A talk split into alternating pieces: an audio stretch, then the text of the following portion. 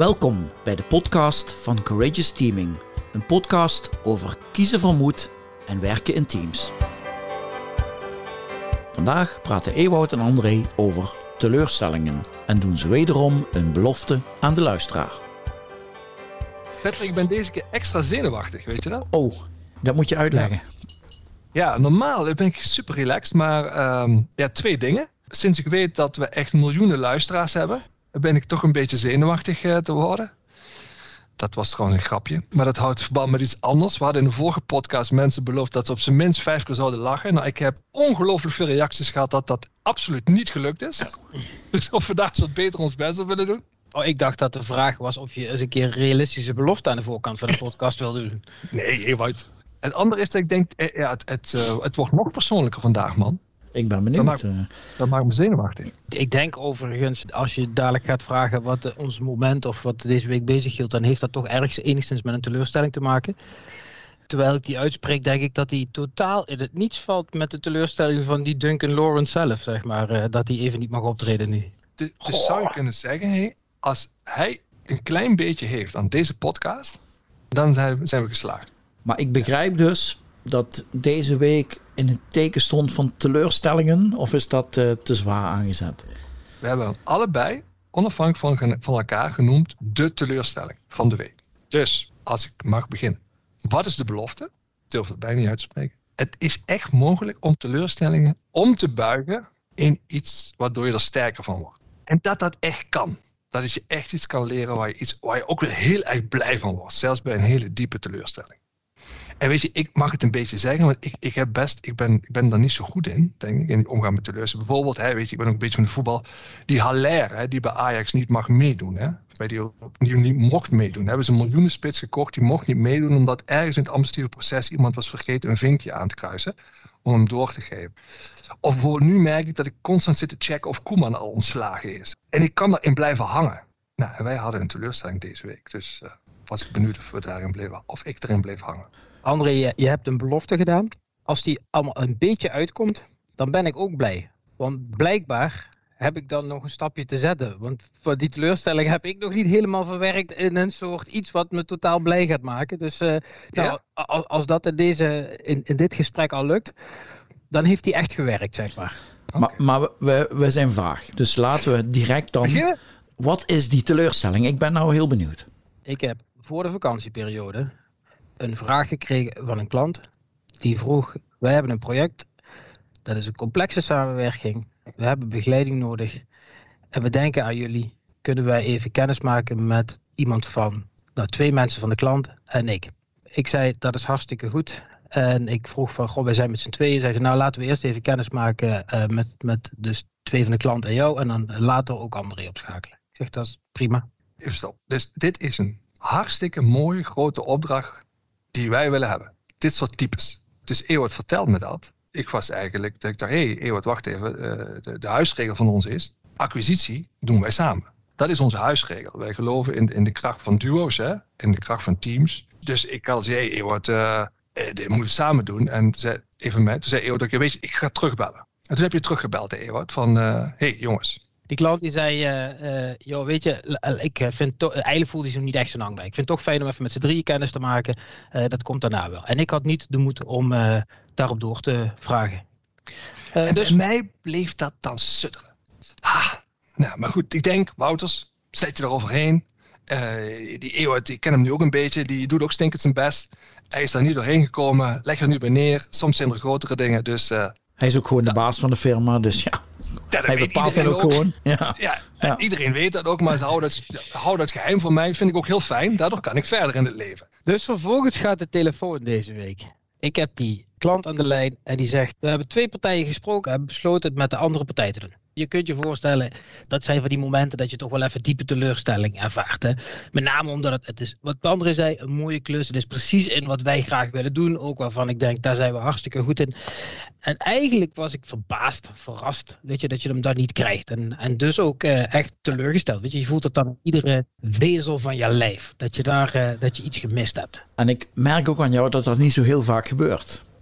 Nou, misschien is dat wel, want ik schreef dat voor mezelf op. Hè. Teleurstelling heeft natuurlijk ook te maken, maar daar, gaan we zo wel even, om, van wat is eigenlijk je verwachting? Dus ik moest ook ergens wel terugdenken. en Ik leg wel eens vaker die link naar mijn sportcarrière. Ik denk, ja, weet je, je kunt er ook niet vanuit gaan dat je iedere op kans een doelpunt maakt. Er staat ook nog wel eens een keer een keeper in het doel en zo. En ja, weet je, je kunt dan heel kwaad en streng zijn op jezelf. Maar tegelijkertijd begint het misschien wel met het besef dat het natuurlijk ook niet logisch is dat je altijd iedere opdracht waar je in acquareert, dat je die wint en dat je die krijgt. Terwijl dat misschien wel ergens een soort onbewuste perceptie is die bij mij leeft. Van ik vind dat we die alle tijd moeten krijgen. Maar nu kom ik erin. Toen dacht ik, zie je wel, daar heb je het. En hem niet gekregen. Nou. en uh, tegelijkertijd dacht ik, ja, eh, om die, die, die lieve Eeuwoud dan nog even dieper te gaan invrijven, terwijl hij stinkend zijn best gedaan heeft, dat gaat waarschijnlijk ook niet erg helpen. Ik constateerde ook, we hadden eigenlijk ook dat hele acquisitiegesprek niet samen doorgesproken. Ik, ik weet eigenlijk helemaal niet wat Eeuwoud daar besproken heeft. Heb ik ook niet naar gevraagd. Tweede huisregel die we eigenlijk samen verbreken daar. Hè? Dus ik dacht, ja, ik kan daar op zijn Wouters gaan inzitten. En ik ga hem nu echt helemaal uitpersen. Maar ik weet al hoeveel last die, die, die, vriend er zelf van heeft. En toen stelde ik mezelf de vraag, wat zegt mij dit nou? Wat is dan eigenlijk mijn diepste wens? En toen kwam er een, een kortsluiting in mijn brein, toen had ik dat. En toen dacht ik, weet je, ik wil eigenlijk samen winnen of samen verliezen.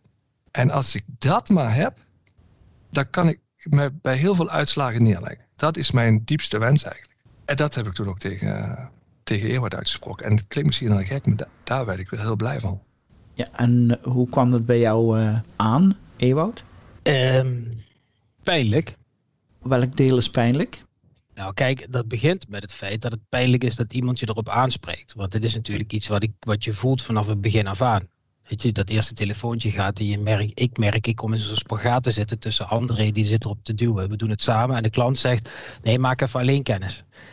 En ik kies dan voor eh, om niet door te duwen op de klant. En eh, ja, als het uiteindelijk niet wordt dan, dan, is het logisch dat André zegt van nee, wacht eventjes, maar zou het ermee te maken kunnen hebben dat we niet echt de kracht van ons tweeën gebruikt hebben. En daar heeft hij een punt. Ik haalde er voor mezelf de les uit. Misschien heb ik dat ook wel even onderschat. Ik dacht van, eigenlijk in mijn hoofd, ik maak even kennis en we plannen een volgend gesprek waarin we dat samen gaan doen. Als ik daar alert op was geweest, had het zomaar eens kunnen zijn dat hier een andere uitslag uit deze wedstrijd was gerold. En op zijn minst hadden we dan het gevoel gehad dat we samen verloren hadden. Weet je, in ons vak weten we ook, kennismakingsgesprekken bestaan niet. Het zijn altijd acquisitiesgesprekken. En het tweede is, op momenten dat wij grote projecten zoals deze die we graag willen hebben binnengetrokken, gaven klanten ons vaak terug. Dat komt omdat jullie het samen gedaan hebben. Jullie zijn een beetje een gek duo. Uh, we voelen ook de spanning tussen jullie, maar, maar het werkt. Ja, maar dit is de inhoud, André van mij. Maar ik voel jullie, die teleurstelling ging bij jou over het feit nou, dat Ewout het alleen doet. En bij Ewout, die hoor ik zeggen van, ja, feedback. Mensen zeggen altijd feedback is een cadeautje, maar zo komt het niet altijd binnen. Ja, dat is zo. Ja. Dus, dus, dus uh, hey, even terug, ik heb die bal op het doel geschoten. Ik heb hem misgeschoten. En ik heb het ook nog uit een positie gedaan waarvan iemand anders zei... had ik toch van tevoren gezegd dat je niet uit die positie moest schieten. En uh, ja, dat is niet fijn. En iedere vezel in je lijf zegt dan eigenlijk van... ja, klootzak, kom je ook nog met je praatjes. Maar ja, als je er heel eerlijk naar durft te kijken... dan heeft hij misschien gelijk. Had je dat daar niet moeten doen? Maar nu, je bent niet huilend in een hoekje gaan zitten. Je bent het ook niet gaan verdringen. We hebben het hier nu over samen... En dat zegt natuurlijk iets over de manier waarop jullie dit oppakken. Ook, Het zegt ook iets over jullie relatie samen. Ja, ik denk, Patrick, dat een jaar geleden of meer, dan zou ik het echt heel moeilijk hebben gevonden om Ewout dit niet om de vijf minuten voor de voeten te gooien, bij wijze van spreken. Om mijn sterkste kant even te laten spreken. Maar ik kan met deze situatie uitstekend leven nu, omdat het me zoveel gebracht heeft dat ik dus weet wat ik heel erg graag wil. Dat inzicht, die blijheid, en dat uitzicht dat ik ook merk, ja, het is bijna een beetje oude wijvenpraat misschien, maar ik merk dat onze band gewoon nog steeds steviger wordt hierdoor. Dus dat je mekaars onhebbelijkheden of zwakheden ook, die mogen er zijn. En weet je, ja, daar kun je ook mee lachen. Weet je, dat gebeurt. En dan verlies je wat. Ja, dat is Dat is de grote winst. Uh, zo ervaar ik het tenminste. Uh, we worden gewoon nog hechter in, uh, in hoe we samenwerken. En daar word ik heel blij van. Maar, maar het is een keuze van jou om daar lering uit te trekken. En je had ook natuurlijk gewoon wat in heel veel huwelijken en in heel veel vriendschappen gebeurd kunnen zeggen. Pats, deur dicht, hier, zo meter op, we hadden afspraken. Je hebt gekozen om er lering uit te trekken en om er beter van te worden. Maar Patrick, ik moet ook wel eerlijk zijn. Kijk, die boodschap van André was niet leuk. En ik voelde dat ook wel dat, hij, dat, dat hem dat hoog zat. Maar de manier waarop hij het aanpakte was in mijn ogen fantastisch. Wij zitten, ik moet dat toch even uitleggen voor de luisteraars, op twee afzonderlijke kantoren vanwege de coronamaatregelen natuurlijk.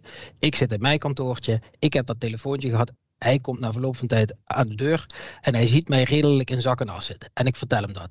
En eigenlijk heb ik in mijn achterhoofd natuurlijk ook wel dat stemmetje dat tegen hem gaat zeggen, och, dan krijg ik dat te horen, hadden we dat iets samen moeten doen, et cetera, et cetera. Maar het eerste wat hij doet en oprecht doet, is dat hij eerst oprecht eens even stilstaat bij het feit dat hij ook wel begrijpt dat ik je wel teleurgesteld in ben. En tegelijkertijd merk ik in alles in ieder lijf, en dat, dat veranderde bij mij een heleboel, dat hij me niks kwalijk nam. Ik merkte ook bij hem een, uh, naar mij toe een, een, bepaalde compassie en een, ah, ook wat dankbaarheid. Weet je, fijn dat je het hebt opgepakt en et cetera. En het was niet gemaakt. Want als ik het nu zo vertel, dan weet je, voordat je het weet, dan maak je daar een gemaakt verhaal van. Maar het was ook geen verhaal. Wat, weet je wel, met de mantel der liefde alles bedekte. Want uiteindelijk kwam het natuurlijk wel even op tafel van, joh, weet je, maar dat verwoordde die wel prachtig. Als ik nou vooruit denk, ja, het verlangen wat ik echt heb, is dat wij samen winnen en verliezen. En dat daar ook echt de kracht in zit en voor mij zat daar ook wel de winst in. Dat, kijk, we hebben wel eens gezegd, onze missie is dat je, dat je naar jezelf kijkt in samenwerking met anderen. Dus dat geldt ook voor ons. Van kijk eens even naar je, kun je naar jezelf kijken van hey, wat heb ik hier nou gedaan in samenwerking met anderen. Dan moet ik natuurlijk ook eerlijk zijn. Dus het is een ontzettend waardevolle les, maar die had ik er niet uitgekregen als André daar niet op deze manier mee om was gegaan. En nu, om maar even die beeldspraak van sport te praten, kon ik weer in de wedstrijd uh, de volgende bal op doel gooien. Weer met het vertrouwen dat ik gewoon uh, mijn werk goed versta. En niet met de twijfel of ik wel of niet een doelpunt kan maken. Wat ik dan zie is, ja, jij bent teleurgesteld vanwege het niet krijgen van een deal. André is teleurgesteld, maar maakt, maakt wat mij betreft een keuze. Dat is een houding hè, van hey, uh, ik ga feedback geven, maar wel compassie tonen. Daar hebben we ook al eens eerder over gehad. En hij heeft natuurlijk ook de vaardigheden. Dus daar komt vaardigheden en houding heel erg goed bij elkaar. Op om een goede manier feedback te geven aan jou. Ja, dat klopt. En dat zou ik iedereen gunnen. Wat jij nu zegt, wat ik dus echt ervaren heb, is dat hij gekeken heeft naar eh, eigenlijk naar zichzelf. En hoe ga ik hier nu inzetten? En jij noemt dan het woordje vaardigheden. En wat ik iedereen zou gunnen, is dat je daar dan een school mee durft te gaan oefenen. Weet je, durft te gaan doen. In plaats van dat je probeert allerlei eerst, eerst vaardigheden te leren. Terwijl het ook gewoon een kwestie is van het maken van die keuze. En ja, stel je dan eens anders op en kijk eens wat het effect is. En in dit geval vind ik dat ja, hij dat heel knap gedaan heeft. Wel punt gemaakt en toch ervoor gezorgd dat het uit het systeem komt en dat we er iets van leren voor ons samen. En weet je, als je daarvoor naar training moet, kost je dat ook 20.000 euro. Hè? Dus nou uh, is een dure les, maar het is wel een mooie les. Deze was duurder. Ja. nou, nou is het helemaal goed gepraat. Ja, ja, Oké, nou, ik zie het gewoon als trainingskosten. Ja, zet hem daar maar gewoon weg. De ik balans. heb zelf het gevoel dat ik meedoe aan een podcast uh, over mezelf. ja. uh, maar misschien vond ik het daarom ook wel zo spannend. Ga voor meer informatie over Courageous Teaming en het werk van Ewout en André naar www.courageousteaming.com.